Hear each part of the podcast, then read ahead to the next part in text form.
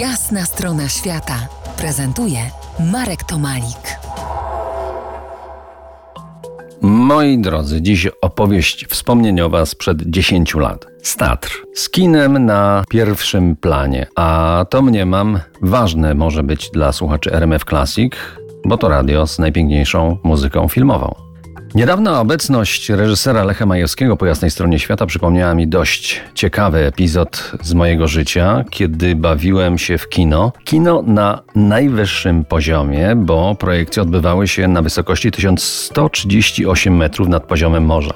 Nie słyszałem o kinie na wyższym poziomie, przynajmniej w Polsce.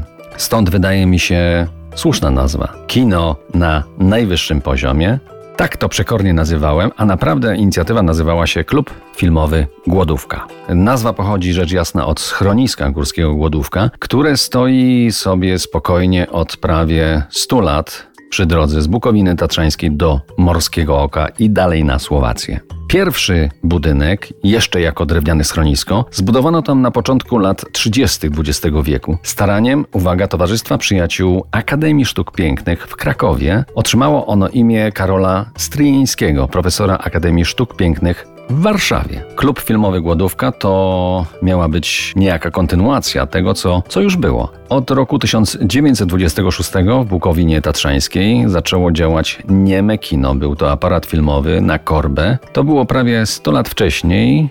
No dobrze, 85. Ale skąd ten absurdalny pomysł na kino w schronisku? Oj, dobrze nie pamiętam, bo to od tamtych czasów minęło ponad 10 lat. Ale to był chyba Mój pomysł nie byłby możliwy, gdybym nie dostał pracy w schronisku Głodówka, pracy w charakterze idąc tropem filmowego rejsu i PRL-owskiej nomenklatury kaowca. Czyli miałem prowadzić taki mikrooddział kultury przy schronisku górskim.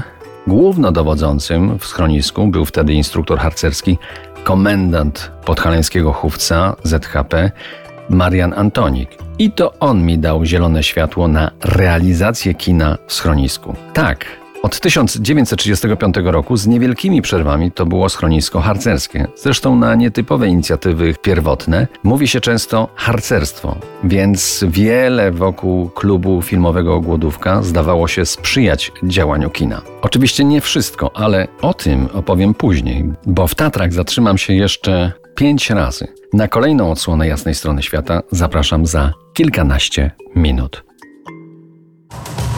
To jest jasna strona świata w RMS Classic.